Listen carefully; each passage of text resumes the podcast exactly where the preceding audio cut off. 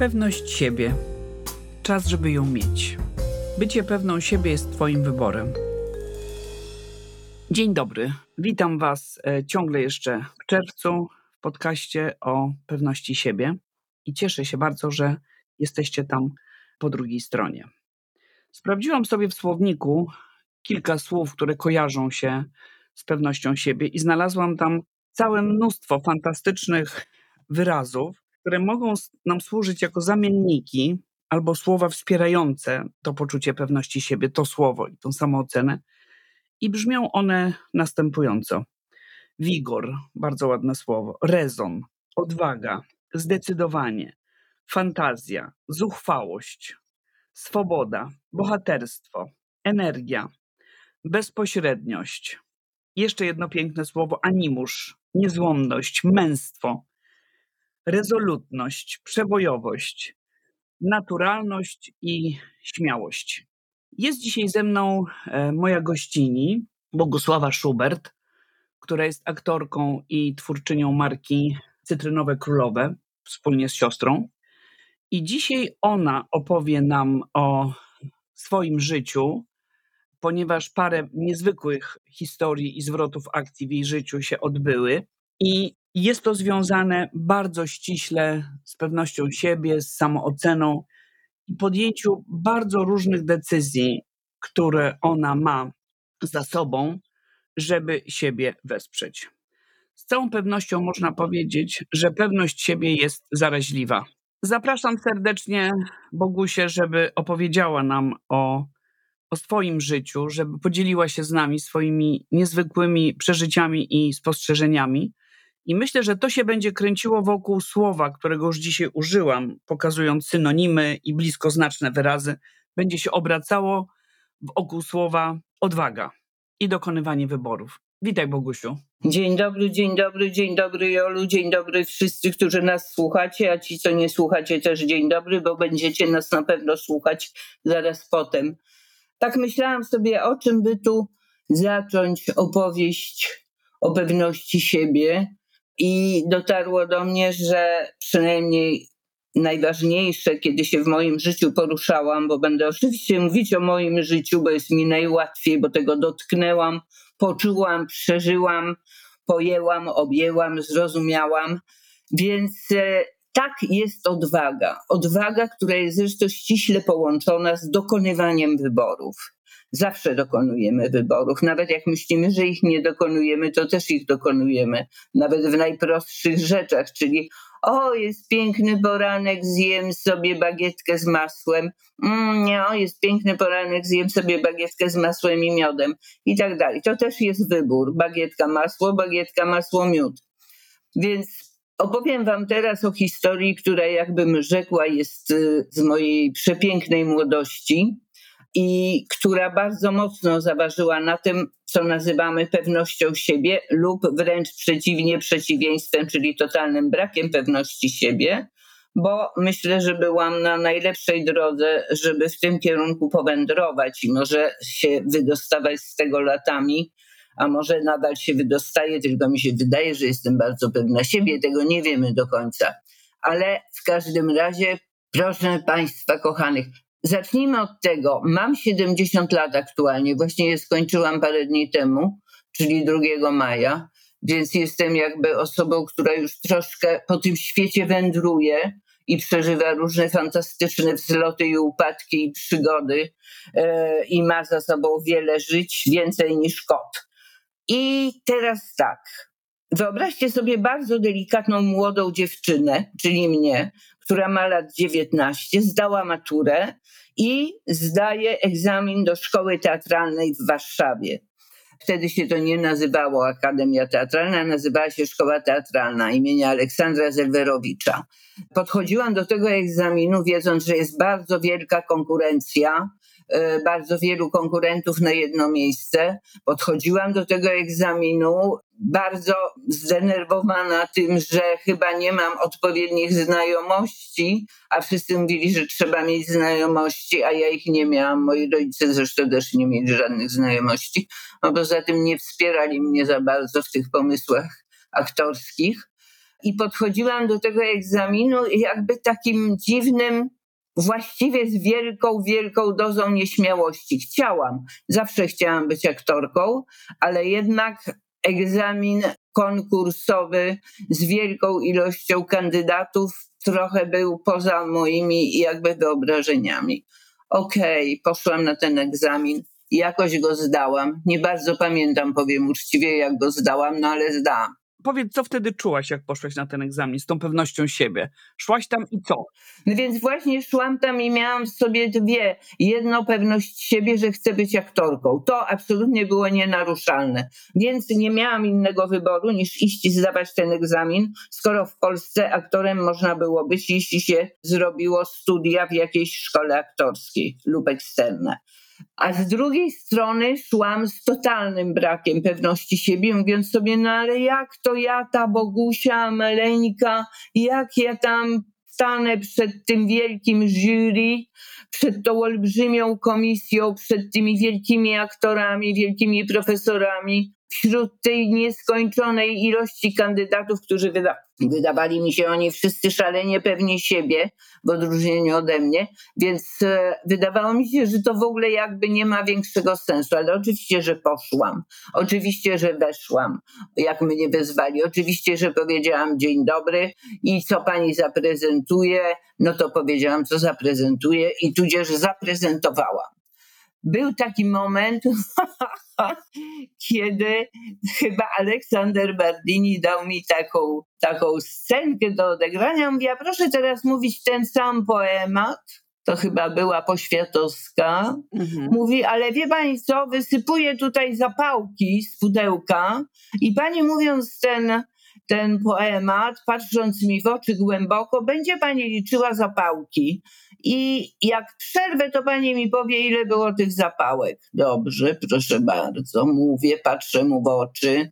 Mówię, mówię, liczę zapałki, liczę zapałki, liczę zapałki. Mówi, tak dziękuję, ile było zapałki. Ja mówię, nie wiem. Ponieważ w ogóle nie byłam w stanie ich policzyć, tylko je przekładałam z lewa w prawo, udając, że je liczę. No więc tak ale co nie zmienia faktu, że nawet nie policzywszy tych zapałek, zdałam egzamin. To był cud. To był cud niezwykły, więc powiedziałam sobie, oho, ho, znaczy mam jakieś zdolności, znaczy mogę być aktorką, znaczy moja pewność siebie jakby tak skoczyła na mojej skali samooceny. Teraz muszę wejść w twoje słowo, bo powiedziałeś, że to był cud i, i cud, i cud nadal tak myślisz? Czy myślisz bardziej o swoich zdolnościach, że jednak... E, no po prostu było to fantastyczne pokazanie swoich możliwości i umiejętności, które miałaś. Tak, ale na, to, to teraz tak sobie myślę, ale teraz to jest zupełnie, wiesz, inna, że tak powiem, faza życia. Natomiast wtedy uważałam, że jest to cud. Okay. Nie, że mam jakieś zdolności, tylko że oni je może zobaczyli, te zdolności, a może więcej zobaczyli niż ja widziałam. Tak, rozumiem. No i co się potem wydarzyło, powiedz?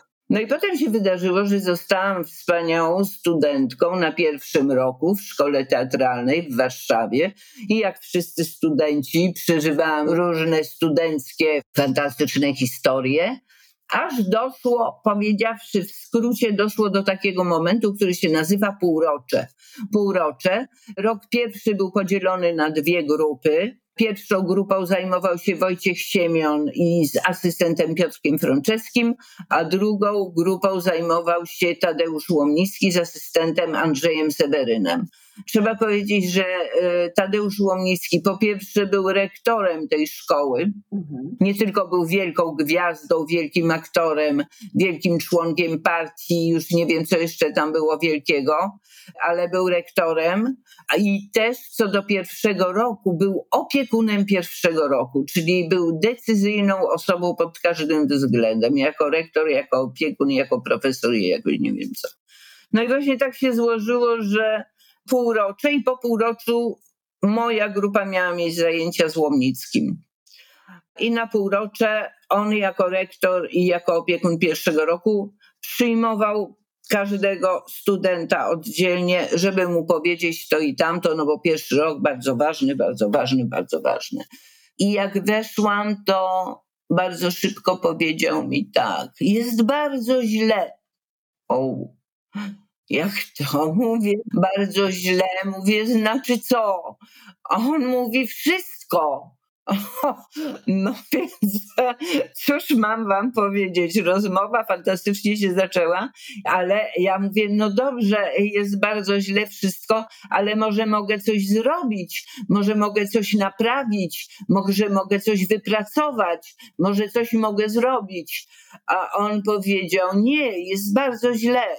Radzę pani wziąć swoje papiery, i wyjść z tej szkoły. To niesamowite po prostu. Wyobrażam sobie, co wtedy czułaś, Bogusiu. Rujnujące w ogóle. Tak, ja sobie, ja sobie nawet nie wyobrażam, co wtedy czułam, bo on to do mnie mówił, a ja wytrzeszczałam na niego oczy, mówiąc sobie, to nie może być prawda. I mówi, jak on to powiedział, daje pani dwa dni na zastanowienie się. Tak. Jaką decyzję pani podejmie? Już nie pamiętam wtedy, czy on mówił wtedy, że, że może mi pomóc na przykład, żebym zaczęła studiować na uniwerku, czy nie, bo wszystkich zna. Nie pamiętam, nieważne. W którymś momencie to mówił, tylko nie wiem w którym. W każdym razie wyszłam z jego gabinetu i jak sobie wyobrażacie, łzy zaczęły płynąć wielkie, zaczęłam szlochać, a na korytarzu pod tym gabinetem czekali koledzy z najstarszego roku, czyli z czwartego, którzy jakby się w jakiś sposób nami trochę opiekowali tymi maluszkami. No i oni mówią, Bogusia, czemu ty płaczesz? Ja mówię, bo on mi powiedział, że on mnie ze szkoły wyrzuci, żebym sobie poszła. Oni mówią, nie no co ty, on jest wariatem szalonym, daj sobie spokój. Okej, okay, dobra, jest wariatem szalonym, daj sobie spokój. Więc po dwóch dniach wróciłam, weszłam do gabinetu, powiedziałam dzień dobry, podjęłam moją decyzję, tak słucham, rzekł Łomnicki, zostaję. Na co on uśmiechnął się cudownie, rozłożył rączki i powiedział, jak sobie chcesz dramatyczna sytuacja w tym momencie. Dramatyczna sytuacja.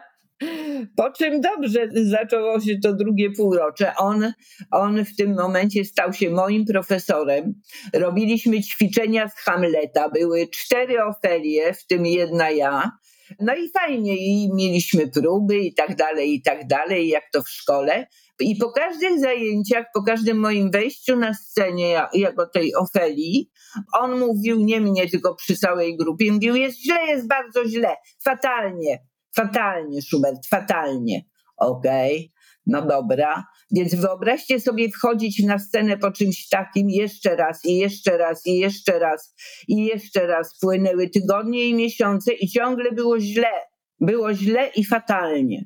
Zbliżał się koniec roku, zbliżały się egzaminy, było źle i fatalnie. Ja w ogóle przestałam spać, ale nie myślcie, że przestałam pracować. Robiłam próby jako szalała, próbowałam z kolegami ze starszych lat, żeby mi pomogli. Sama ćwiczyłam.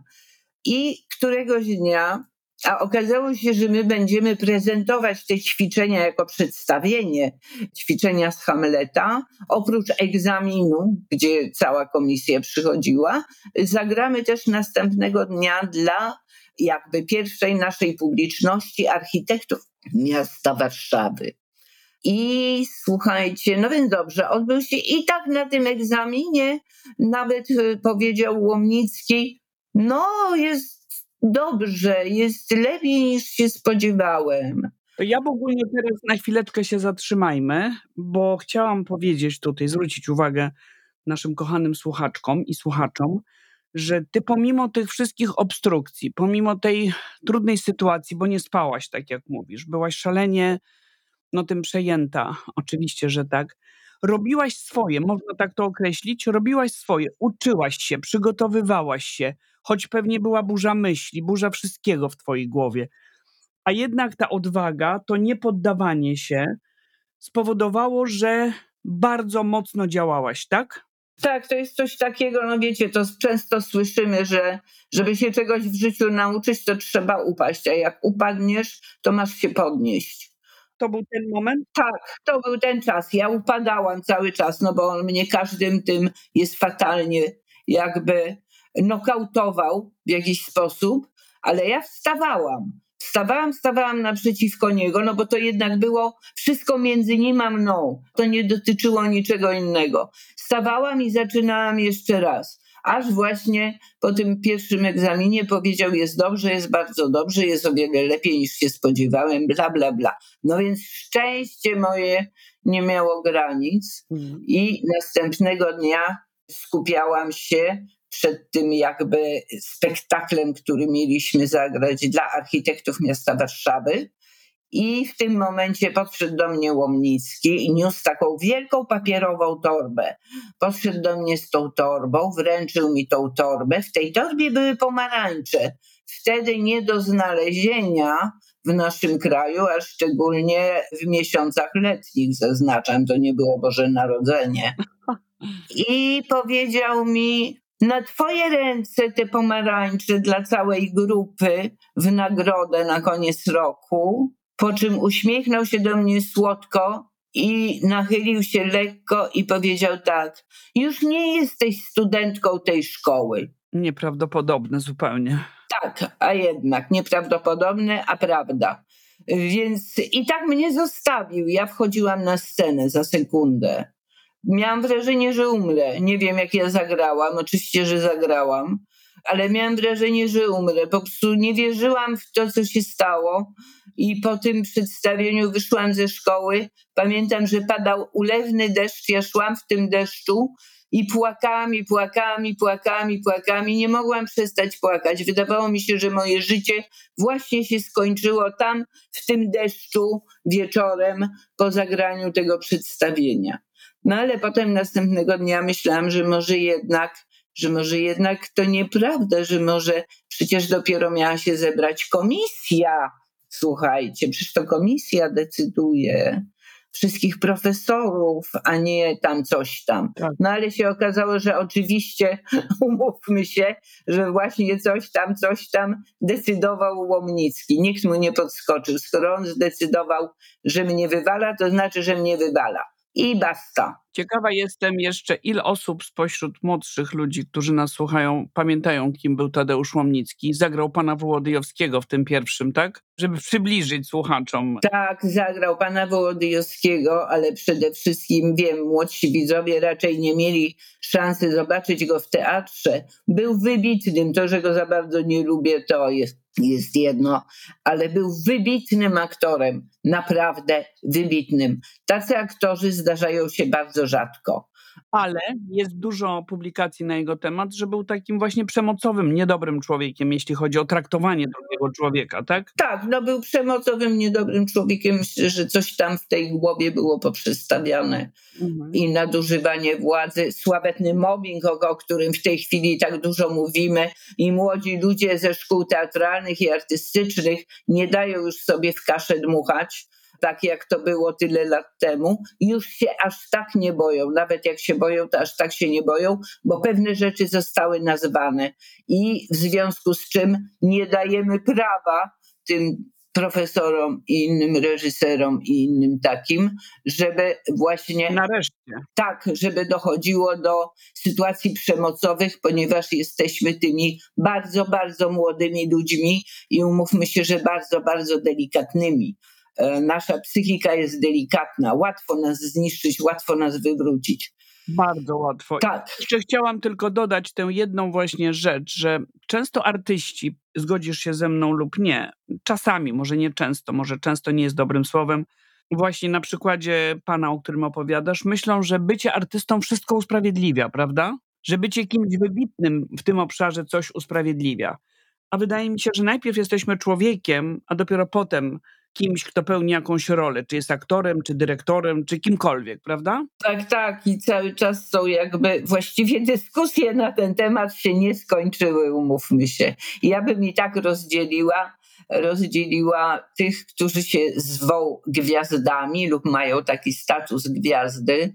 Oni rzeczywiście jakby plasują się na tym nieboskłonie zdecydowanie gdzie indziej niż my, śmiertelnicy zwykli, i myślą, że tak jest i tak im się należy.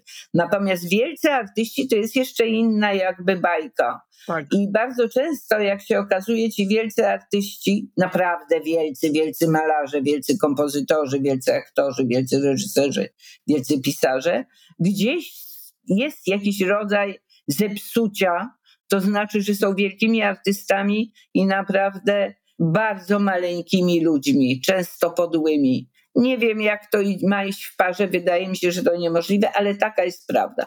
Ale powiem Wam od razu na pocieszenie, że jednak jak zawsze są wyjątki i na przykład taka osoba jak Krzysztof Kieślowski, wielki reżyser, wielki reżyser, przemądry człowiek, cudowny, był najwspanialszym człowiekiem, jakiego spotkałam po ludzku, nie tylko jako reżyser właśnie jako człowiek. Więc się okazuje, że jednak można być wielkim, wielkim, wielkim reżyserem, wielkim, wielkim artystą i wielkim, wielkim człowiekiem. To wydaje mi się, że nawet idzie w parze, kochani, być wielkim artystą i wielkim człowiekiem to bądźmy tymi wielkimi ludźmi. bądźmy wielkimi ludźmi. Boguniu, wracamy do twojej szkoły. Tam, gdzie ci powiedział ten pan, już nie będę, Lord Voldemort, powiedział ci, pani już tutaj się nie uczy w tej szkole, tak? I co dalej? Tak. No więc słuchajcie, moja pewność siebie w tym momencie wylądowała na bruku, Natomiast e, oczywiście było coś takiego, że pewność siebie wylądowała na bruku. To, że nie jestem studentką, tak, ale jakby nadal miałam w sobie coś takiego, że podniosłam się i mówię, dobra, on mnie wyrzucił, on mnie wyrzucił, ale są inne szkoły teatralne, ja pojadę do Łodzi i tam zdam egzaminy. One były trochę później niż w warszawskiej, więc można było to zrobić jakby fizycznie. Czyli wzięłam papiery, te papiery musiałam odebrać od niego. Znowu spotkaliśmy się znowu. I on mówi, pani przyszła po papiery? Ja mówię, tak, przyszłam po papiery. No i właśnie wtedy mi powiedział, bo ja mam znajomości, mogę pani pomóc dostać się na uniwerek albo coś. A ja powiedziałam, nie, nie, nie, dziękuję. Ja będę zdawała do szkoły filmówki w Łodzi. A on popatrzył i powiedział, jak sobie pani tam chce? No trzeba było się nie odzywać. Może jakbym nie powiedziała, to bym skończyła filmówkę w Łodzi. Bardzo prawdopodobne.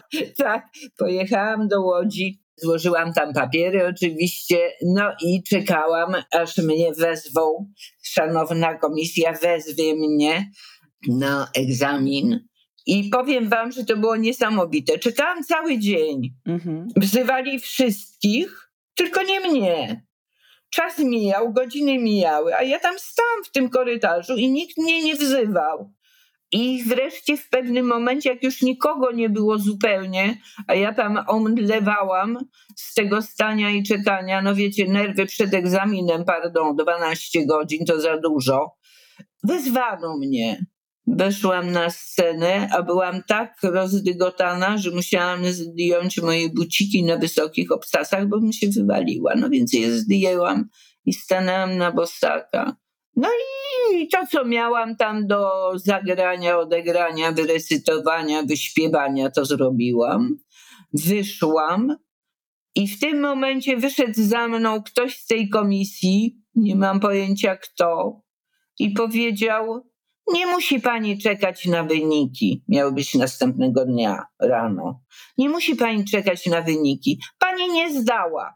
Niesamowite po prostu. I potem oczywiście wiecie, jak to jest. Jedna pani drugiej pani powiedziała, no bo jednak ta moja historia trochę wzburzyła ludzi różnych. I okazało się, że Łomnicki zadzwonił do Łodzi i powiedział, żeby tej Schubert jednak nie za bardzo tam dawać miejsce, więc nie dali. Okej. Okay. Już nie chcę komentować, co to było za zachowanie. Nie chcę się wyrażać brzydko. tak, więc pewność siebie znowu zjechała, zaczęła wjeżdżać, nawet trochę pod ziemię ona zaczęła wjeżdżać ta pewność siebie ale myślę sobie, dobra, dobra, okej. Okay. I dowiedziałam się, że właśnie będzie otwierane, uwaga, studium aktorskie przy Teatrze Żydowskim, ponieważ tam się gra w języku idisz, a aktorzy z tego teatru tamtych latach w większości byli, byli już okropnie leciwi i nie było młodego na rybku. Mhm. Nie było młodych aktorów, którzy mo mogliby grać w języku jidysz.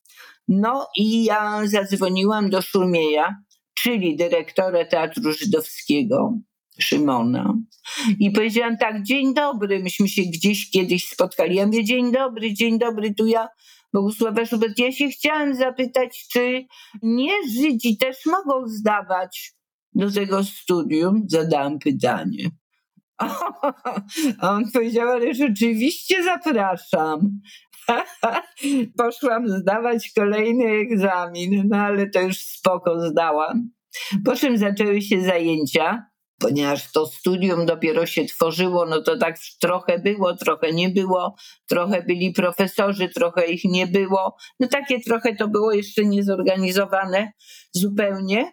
Natomiast jedno było pewne, na pewno był pan profesor, kurczę zapomniałam jego nazwiska, bardzo znany pan profesor, który uczył nas języka jidysz. I przynajmniej okazało się bardzo szybko, że mam wielki talent, więc jako jedyna gojka najszybciej się nauczyłam. Mówiłam, śpiewałam, tańczyłam, pisałam, po prostu ho, ho, ho, wspaniale. I to jest zresztą jest to bardzo piękny język i bardzo łatwy moim zdaniem język. Gdybym nie znała Twojej dalszej historii, o której będziesz zaraz mówić, to po prostu to jest scenariusz na film, Bogusiu. Nie wiem, czy wiesz, może tutaj. Tak, ja myślę, że trzeba o tym pomyśleć, wiesz, machnąć. Trzeba o tym pomyśleć. Machnąć jakiś film albo, albo serial, który będzie miał 150 sezonów, bo przecież dopiero. Zabieramy się za scenariusz? Piszemy scenariusz? Tak, dopiero zaczynamy opowiadać no, o tych początkach. Skąd się bierze ta pewność siebie?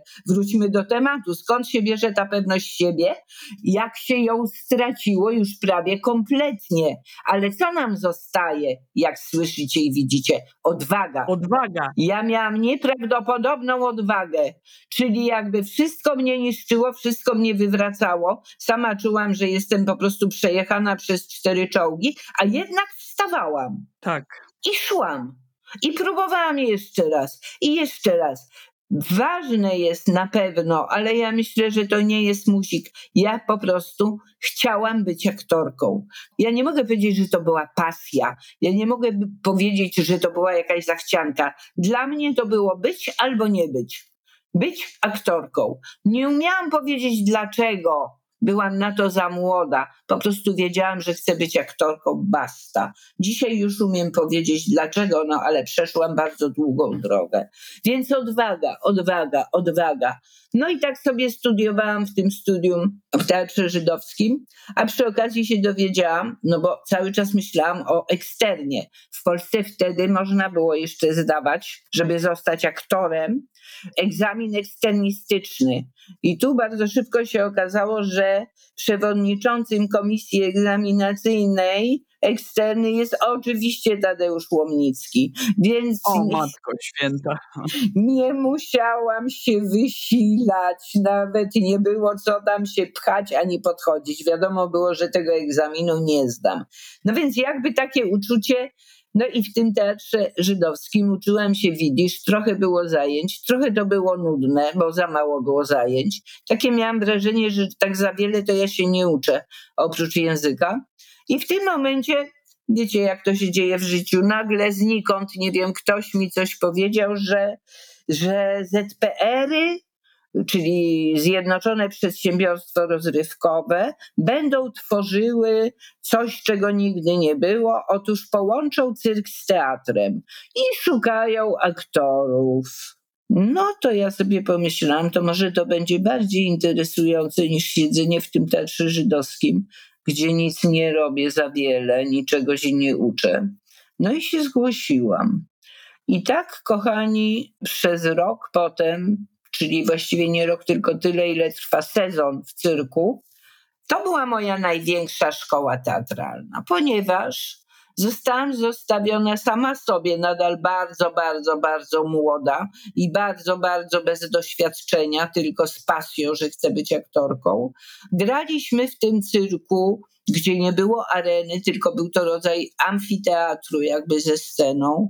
Chciałam Wam powiedzieć, że namiot był na dwa tysiące osób. To nie było byle co. To było olbrzymie.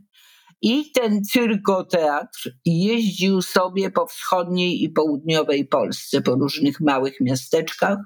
Z największych pamiętam Lublin ale różne małe miasteczka. Jedno przedstawienie było dla dorosłych, adaptacja chaty za wsią Kraszewskiego i tam grałam główną rolę ognistą cygankę. Ha, ha. A drugie przedstawienie wcześniej było dla dzieci i to była bajka o sierotce Marysi, co zgubiła gąski i szła do królowej Tatr, żeby je odzyskać. I tam były krasnoludki, na przykład no i właśnie jakoś tak te elementy cyrkowe wchodziły w trakcie sztuki w ten sposób, że właśnie tu były krasnoludki, no to krasnoludki, a potem coś tam, akrobacja, coś tam, coś tam, coś tam, a w tym dla dorosłych przyjeżdżali cyganie do wsi, a jak przyjeżdżali cyganie, no to był cyrk, oni mieli niedźwiedzie i różne żonglerki, akrobatyki i wszystko, wszystko. No więc tak to wyglądało, tak to się odbywało i ja tam grałam przez kilka miesięcy dla dorosłych Azę, ognistą cygankę, a dla dzieci pięć różnych postaci. Pięć byłam królową Tatr i królewną wiosną i już tam nie wiem czym babuleńką, co zbiera zioła i tratata. Nikt mi nie mówił, co ja mam robić. Nikt mi nie mówił, czy ja mam mówić głośniej, czy ciszej. Nikt mi nie mówił, jak ja z tym moim ciałem mam sobie poradzić na tej scenie, jak się gra przed dwoma tysiącami widzów. Więc to wszystko zdobywałam, powiedziałabym, własnym doświadczeniem. Było to lepsze czy gorsze, ale jakby tak, ja się sama nauczyłam, kiedy mówić głośniej, kiedy ciszej. Ja się nauczyłam, jak z tym ciałem kooperować, żebym była widoczna dla tak dużej widowni i tak dalej, i tak dalej. Czyli to myślę bardzo podniosło Twoją pewność siebie, Bogusiu, prawda? To samodzielne działanie, ten. Tak, absolutnie. Twardość, to zdecydowanie, ta zuchwałość, którą miałaś w sobie takie męstwo. Lubię też słowo od męstwa jest żeństwo. Byłaś taka po prostu żeńska. Byłam bardzo żeństwowa. O! Rezolutna, przebojowa. I to jest, słuchajcie, fajne, ja wam powiem, no bo jak się sobie przyglądamy albo o sobie myślimy w ramach pewności siebie, że ojej, słucham tej Bogusi Schubert i ona taka zawsze była właśnie, no jak niepewna siebie, to odważna, to gdzie ja, to gdzie ja, to gdzie ja to. Ja też patrzyłam na siebie w lustrze i widziałam bardzo delikatną stokrotkę i mówiłam sobie, jak ja to, jak ja, nie, ja nie dam rady, nie dam rady, nie dam rady, ale za chwilę po prostu podnosiłam głowę i mówiłam, dobra, idę próbować, idę próbować idę próbować. Więc e, ja myślę, że najważniejsze połączone z tą odwagą to jest taka żelazna konsekwencja, że wywracasz się 200 razy, ludzie ci mówią nie, nie, nie, nie, ty się do tego nie nadajesz, a ty mówisz nadaje się. To jest twoje święte prawo tak uważać. Absolutnie tak. Nie daj sobie wytłumaczyć, że nie. Czasem życie potem weryfikuje się, okazuje, że nie za bardzo się człowiek nadawał, ale najważniejsze jest próbować i w tej sile, i w tej pasji, i w tym, że chcemy, że idziemy do przodu, tam znajdujemy swoją odwagę i tam znajdujemy swoją pewność siebie. Co nam potem w życiu z tego wychodzi, nieważne, ale mamy odwagę, mamy pewność siebie, mamy determinację i tak łatwo nas już się nie wywraca. Nawet jak ktoś nas popchnie, to już się nie wywracamy. Najwyżej się troszkę zachwiejemy. Takie mi przyszło zdanie do głowy, że pokonanie strachu to jest najszybszy sposób na zdobycie pewności siebie. Zgadzasz się z tym? Absolutnie tak. Szczególnie jak zobaczymy, że jak się przyjrzymy tym strachom wszelakim, bo nie ma jednego, tylko jest ich dużo różnych, to zobaczymy, że my się boimy tego, co sobie wyobrażamy. Okej, okay, możemy się bać, jak najeżdża na nas samochód. To jest słuszny lęk i on sprawia, że uskakujemy. To jest zachowanie życia. To jest jak zwierzęcy instynkt. Ale wszystkie inne strachy, o Boże, może mnie wyrzucą z pracy, co ja zrobię? Ale cię nie wyrzuci jeszcze. O Boże, zostawi mnie mąż, ale cię jeszcze nie zostawił. O Boże, zachoruję, ale jesteś zdrowa. Uspokój się. O Boże, będę stara. No każdy będzie stary, ale co zrobi z tą starością, to też jest jego brocha. Podoba mi się to wezwanie. Uspokój się. Nie buduj sobie w głowie nastawień. Uspokój się.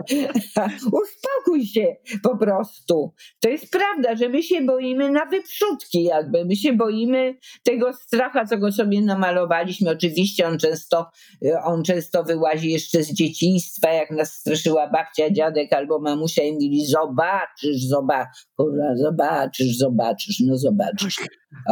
Aha.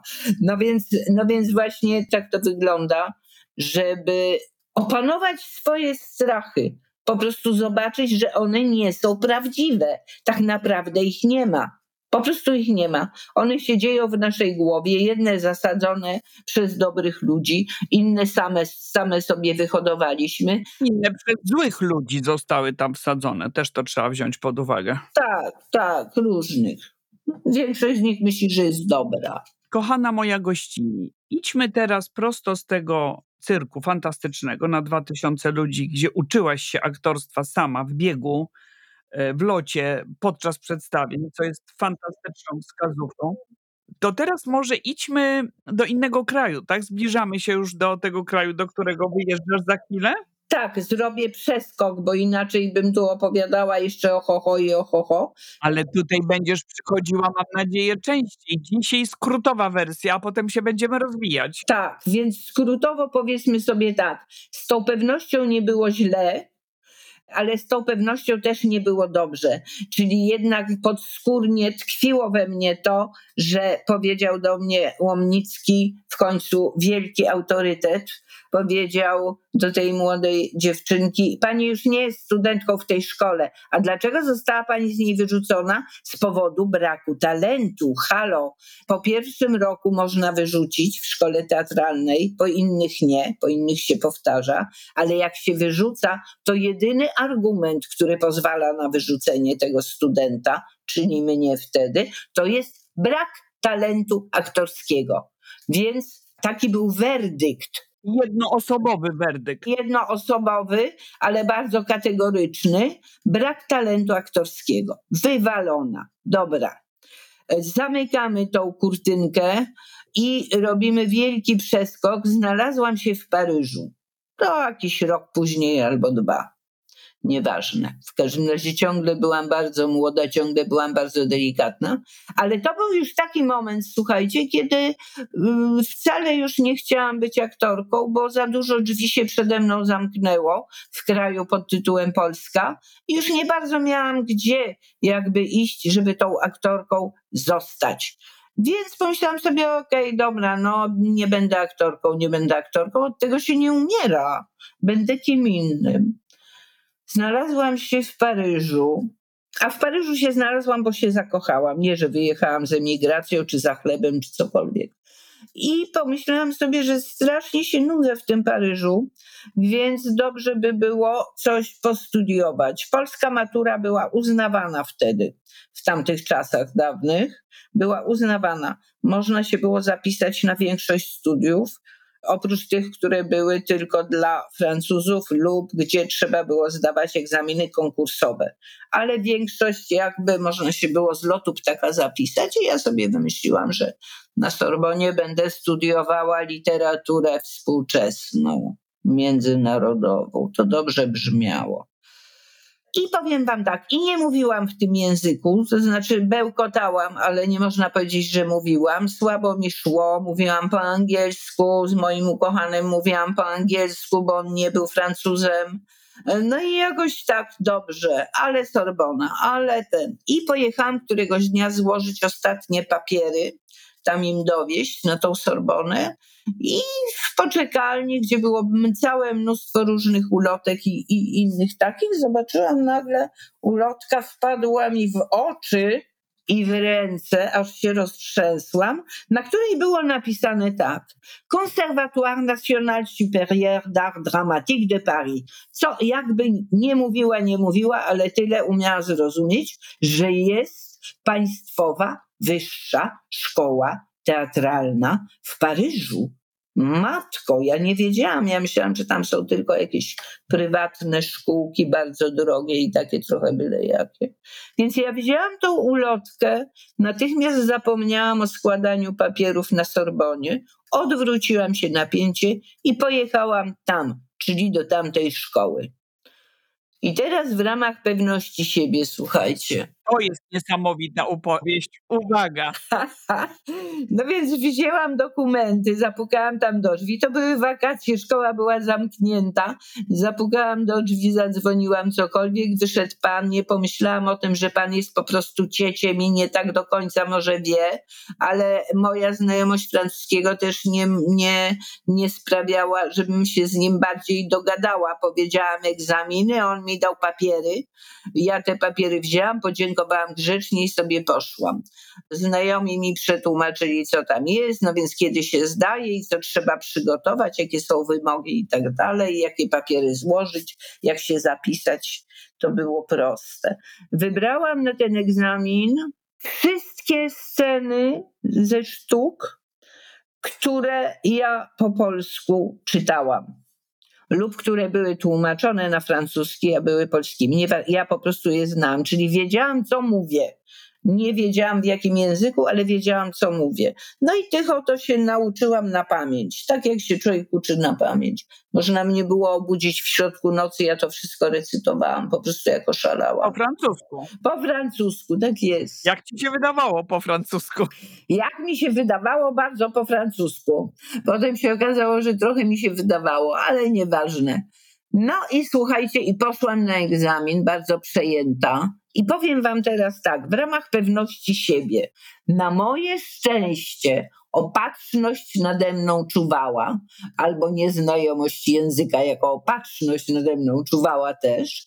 I nie wiedziałam, że tam, tam też były 23 miejsca na roku, nie więcej, jak w Warszawie, nie mniej, nie więcej. Francja trochę jednak większym krajem jest. I na te 23 przyjmowano 10 dziewczynek i 13 chłopców. Takie po prostu były podziały, takie same były w Warszawie. To się nie zmieniało od lat i od lat. Ja nie wiedziałam po prostu, że jest na jedno miejsce w Paryżu tysiąc osób. Słuchajcie, tysiąc. Jak ja zdawałam do warszawskiej szkoły, były 23, to mi się wydawało świat i ludzie, tak. kosmos. Jaka konkurencja. Tu było tysiąc, ale ja tego nie wiedziałam, bo mi tego nikt nie powiedział. Jakby mi powiedział, to chyba bym nie poszła jednak na ten egzamin. Więc nieświadoma Widzicie, czasem jest dobrze jednak, że tak się dużo mówi o tej świadomości, ale ja zupełnie nieświadoma tego, co się działo wokół mnie, po prostu poszłam na egzamin. Nieświadoma byłam też tego, bo nikt mi z tych papierków nie przetłumaczył. Dopiero tam zobaczyłam, że wszyscy kandydaci siedzą kolegami i koleżankami. Oni przyszli z replikami, oni przyszli z partnerami, zdawali sceny, a ja Polka, śmolka, przyszłam z torebeczką, w której miałam moje rekwizyty, które sobie przygotowałam pieczołowicie i co? Dawaj, monologi będę zdawała. No bo tak w Warszawie się zdawało, to mi się wydawało, że wszędzie na świecie trzeba zdawać monologi. Otóż nie. No więc poczułam się nie za dobrze. Myślę, o la la la la, jak to oni wszyscy z tymi, a ja tutaj te monologi, no ale trudno, trudno, już jestem, przygotowałam. Dalszy problem był taki, oni wzywali, tam oczywiście po nazwisku, problem był taki, że ja nadal jednak nie mówiłam po francusku. Tak. I moim założeniem było to, że jak mnie wezwą, to ja szybko wejdę, szybko powiem dzień dobry i nie zatrzymując się, bo zobaczyłam kątem oka, jak drzwi się uchylały, że scena jest na samym końcu sali, a jury, komisja siedzi przy wejściu. Więc, że ja szybko pobiegnę na tą scenę, wejdę tam i od razu zacznę grać. no żeby nie chcieli ze mną gadać, bo się nie dogadają. Więc wezwali mnie, ja idę szybko. Oczywiście powiedziałam bonjour, żeby nie było, że jestem niewychowana. Powiedziałam bonjour, ale w locie. I gnam na tą scenę i słyszę za mną, że ktoś do mnie mówi coś. Myślę, no niedobrze. Stanęłam i tak odwracam trochę głowę, ale nie za bardzo. Troszkę tylko odwracam mówię pardon, czyli przepraszam. No więc ten ktoś powtarza to coś, co powiedział. Powiedziała, ja oczywiście nic nie rozumiem, co on do mnie mówi. I myślę sobie, no to się nazdawałam tych egzaminów, po prostu zaraz mnie wyrzucą, że jestem niemotą. No i w tym momencie taki profesor z tej komisji, który siedział najbliżej mnie, z którym potem grałam, cudowny pierwial, ale nie wiedziałam, że to jest pierwial, powiedział tak, patrząc mi głęboko w oczy. Bardzo powoli drukowanymi literami do mnie mówił. I mówi, ten pan się pyta, którą scenę wybiera pani jako pierwszą. Ja zrozumiałam, co on do mnie powiedział. Bo troszkę nerwy puściły. Ja chciałam jeszcze powiedzieć, że ten z komisji, który się do ciebie odezwał, to nagle zdjął perukę, a to Łomnicki. Tak, to był na pewno Łomnicki jakiś. Więc w każdym razie zrozumiałam, bardzo się ucieszyłam. Mówię, a okej, okay, dobra, to tam jakąś tam, jakąś powiedziałam scenę.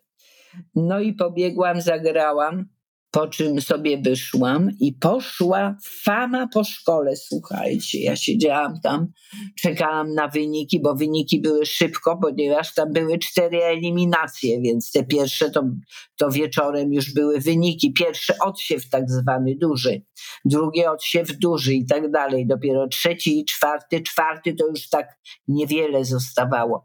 No i w każdym razie więc czekałam na ten odsiew, na decyzję jury, a do mnie podchodzili e, studenci tej szkoły, już tacy bardziej dorośli, i mówili mi, jakie to wspaniałe, jaką ja jestem wspaniałą aktorką, tylko żebym coś zrobiła z moim akcentem.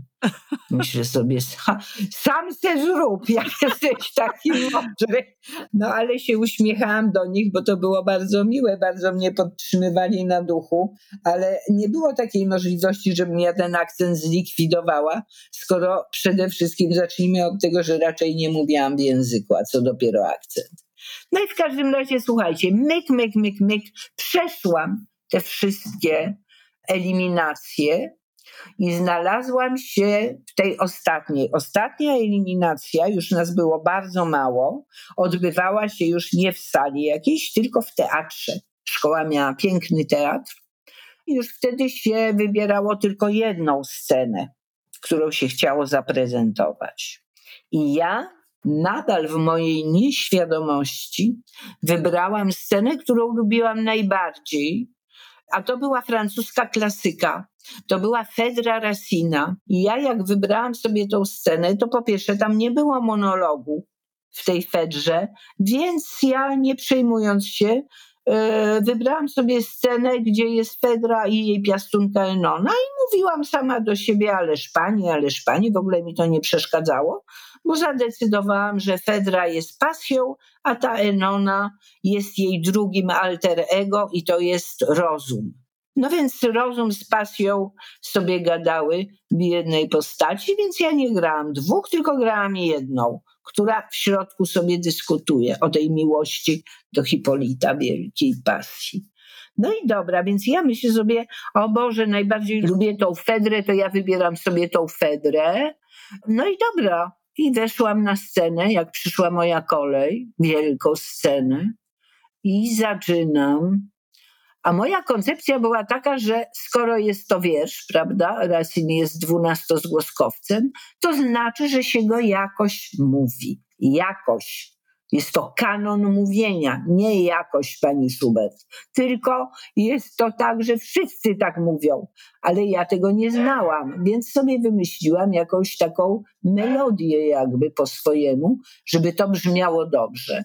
I uważałam, że to brzmi nie najgorzej.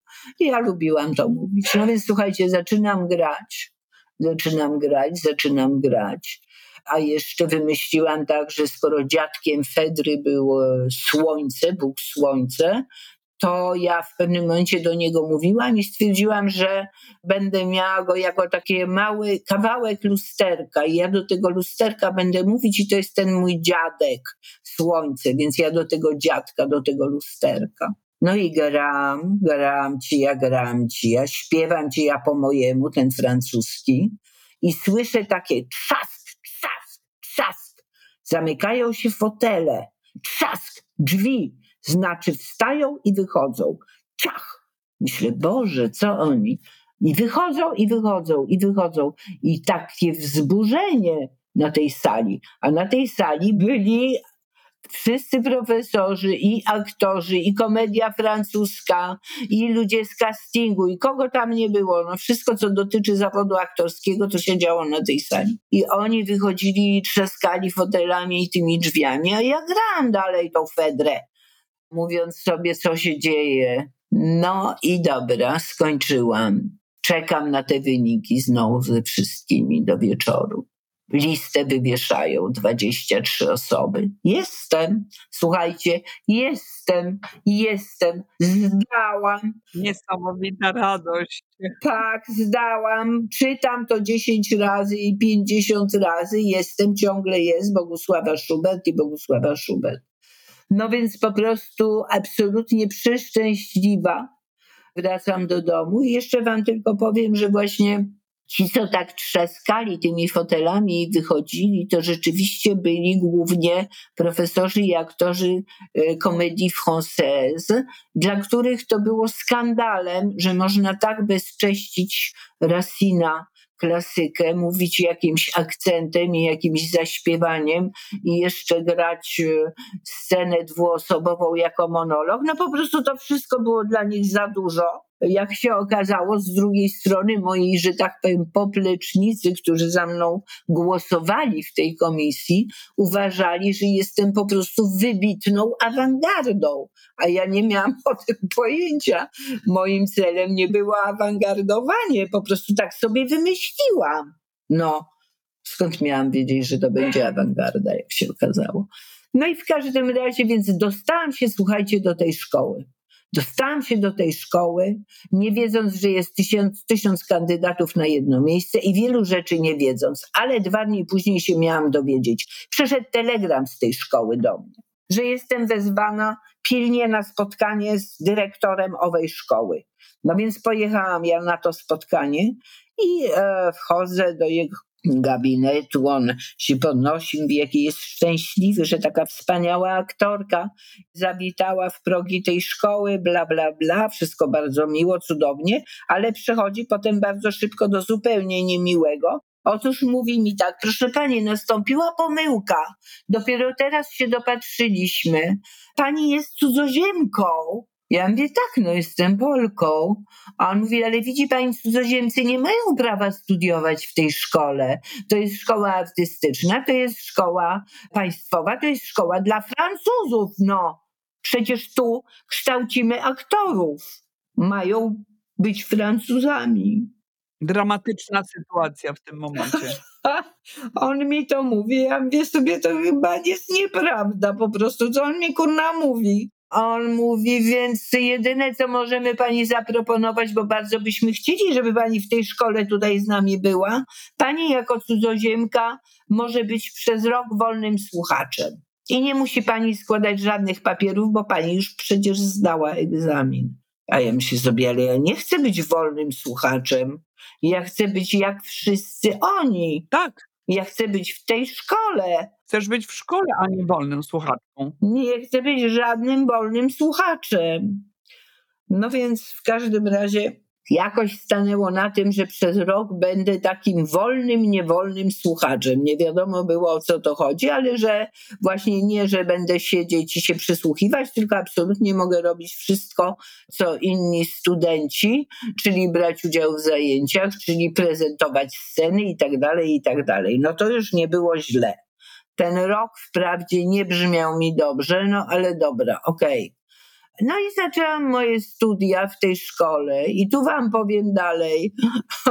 Odwaga właściwie powinnam była ją mieć naklejoną na czole, na pupie i na plecach, bo nie tylko, że poszłam na ten egzamin, ale potem całe te studia, pierwsze półrocze, to po prostu było jakieś szaleństwo. Ja nadal nie mówiłam za bardzo po francusku, więc przychodziłam na te zajęcia ze słownikami polsko-francuskimi, francusko-polskimi. I jak profesor coś mówił, no najważniejsze oczywiście były zajęcia z gry aktorskiej, reszta to pikuś. Nie potrzebowałam słownika na przykład do śpiewania, czy do tańczenia, czy do szermierki ale na zajęcia aktorskie tak, bo on mówił, najpierw mówił co chce, jaki temat tego, a dopiero potem myśmy wybierali sceny i tak dalej. No więc ja próbowałam w tym słowniku coś znaleźć, ale zanim coś znalazłam, to oni już byli gdzie indziej. Oni już się zebrali w grupy i pracowali, a ja siedziałam na krześle i miotałam się w słownikach. Więc powiem wam, nikt za bardzo ze mną nie chciał pracować, no bo byłam ta, co nie gada no to ja robiłam monologi. Monolog po monologu. Nie miałam wyjścia, skoro nie mogłam pracować z kolegami, bo oni nie chcieli za bardzo ze mną pracować, jako z tą niemotą. No to ja monolog. Jeden, drugi, trzeci, czwarty, z uporem maniaka. Monolog, monolog. Oczywiście w tym czasie uczyłam się jako szalała francuskiego. Chodziłam do kina, chodziłam do teatru, czytałam książki, ale zawsze czytałam te, które znałam po polsku bo wtedy łatwiej mi było ogarnąć, co się dzieje w jednym rozdziale albo na dziesięciu stronach i tak dalej, i tak dalej. No i któregoś dnia zaprezentowałam taki monolog, w którym, to był też z Racina, w którym wymyśliłam sobie, no musiałam mieć partnerów jakichś, wymyśliłam sobie partnera, kulkę plasteliny. I ta kulka plasteliny była wszystkim. Ja do niej mówiłam, jako do mojego partnera, ale ja nią rzucałam o podłogę, więc ona się rozgniatała, biedna. I ja ją zbierałam z tej podłogi, trochę ją dziubałam i tak dalej, i tak dalej. Był to mój pełnoprawny partner, jak plastuś ze szkoły podstawowej. I skończyłam.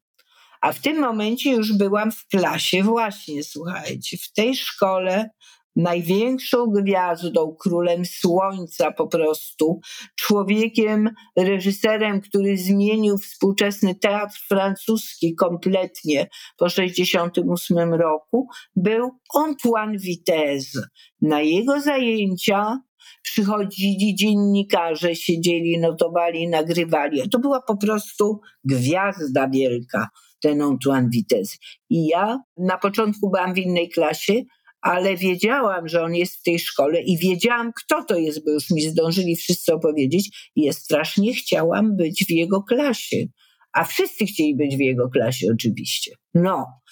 I odwaga. Otóż wymyśliłam sobie, że muszę go zaczepić.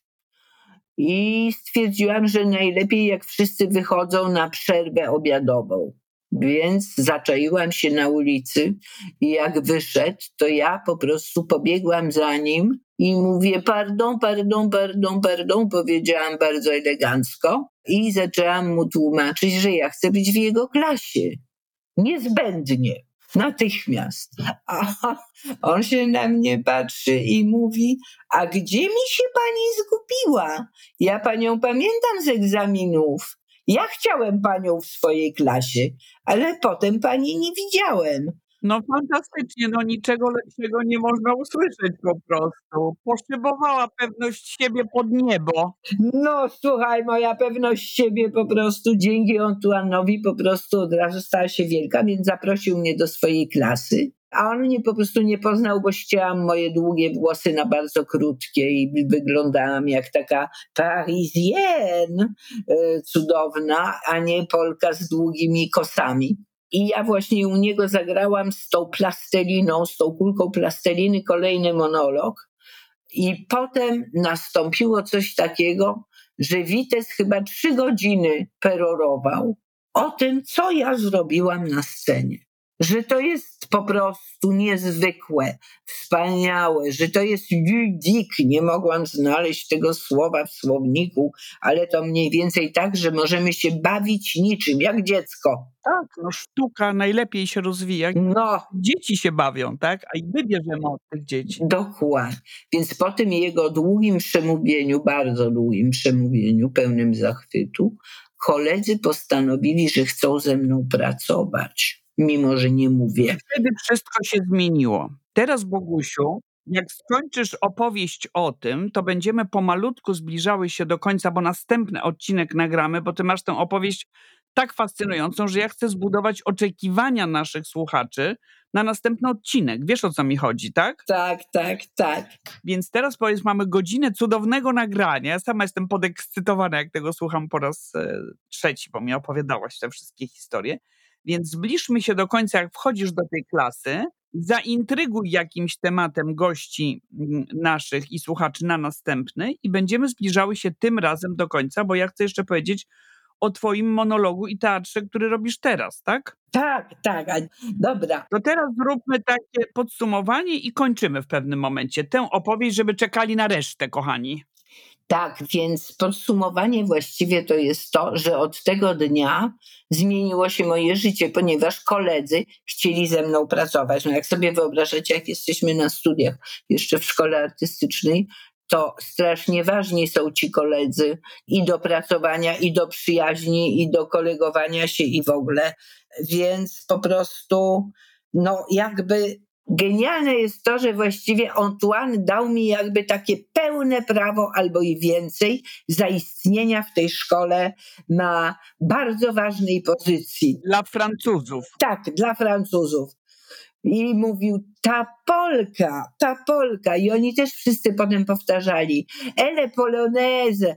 A potem mówili, elle folle, mais elle polonaise. Ona jest szalona, ale ona jest Polką, co znaczy, że mogę być szalona, bo jestem Polką. Fantastyczne. No świetnie, Boguniu. Czyli tak, tutaj ten etap na chwilkę kończymy, bo tam jeszcze jest cała opowieść. Tak, Chciałam powiedzieć, że oczywiście Bogusia grała potem i we Francji, i w Polsce, do tego dojdziemy, ale gdzieś ten monodram, czy jak fachowo to nazywasz, te monologi, których się uczyłaś, teraz jakby też wracają do ciebie, ponieważ chciałabyś naszych słuchaczy zaprosić na swoją niezwykłą sztukę, bo stworzyłaś, jak to ktoś z krytyków powiedział, kto niedawno był u ciebie na takim przedstawieniu, że ty stworzyłaś nowy teatr. Znowu stworzyłaś coś nowego tam miałaś swoją kulkę plasteliny, która zrobiła dla ciebie tak dużo, i teraz tą swoją opowieścią robisz bardzo dużo dla słuchających nas osób, a teraz jeszcze stworzyłaś nowy teatr. Powiedz w kilku słowach, ponieważ tak jak powiedziałam, mamy już to nagranie dość długie, na co zapraszasz? słuchajcie, zapraszam Was na monodram, który napisałam. Voyage, voyage, cytrynowa podróż. Napisałam go i go gram, ale nie gram go jakoś tak w teatrze. Właśnie teatr opuściłam 12 lat temu. Miałam swoje powody i nie chciałam wracać do teatru jako takiego, czyli widownia, scena, etc., etc. Ja go gram przy stole dla 10 osób. I mam dwie wersje aktualnie. Zapraszam Was do stołu, czyli przychodzicie do mnie, siadacie ze mną przy moim stole, ale jest druga wersja, którą w tej chwili zaczęłam. To jest zaproście mnie do stołu, Wy przyjdę, siądę, popatrzę Wam w oczy i zabiorę Was w cytrynową podróż. To jest nieprawdopodobne przedstawienie, ponieważ ja byłam na tym przedstawieniu. Powiedz jeszcze, Bogusiu, gdzie można kupić bilety na Twoje przedstawienie? Więc bilety na moje przedstawienie można kupić www.bogusławaschubert przez sch.pl. Będzie w opisie odcinku. Będziecie mieli ten adres w opisie odcinka naszego podcastu. I tam są też daty. Tam są daty i bardzo Wam polecam, żebyście na to przedstawienie z Bogusią e, poszli, bo to jest niezwykły teatr. Teatr, który porusza wszystkie emocje, ponieważ Bogusia, mówiąc ten monolog, czy odgrywając tę swoją rolę, potrafi tak głęboko spojrzeć w oczy słuchającemu i słuchającej, że razem z nią przeżywamy te emocje, ale też przeżywamy swoje własne, bo jej opowieść budzi w nas nasze wspomnienia, nasze życie. Także bardzo Was serdecznie zapraszam. Tymczasem pomału kończymy. Bardzo się cieszę, że znam Bogusie. Jestem zaszczycona, że tutaj przyszłaś. Następne odcinki, dwa, które pokażą się w lipcu, to są, nazwałam je odcinkami wakacyjnymi, takie po 10 minut, ponieważ wyjeżdżam na chwilę na wakacje, ale zaraz po powrocie nagrywamy z Bogusią następny odcinek. Pewność siebie, czas, żeby ją mieć. Pewność siebie jest Twoim wyborem. Do usłyszenia.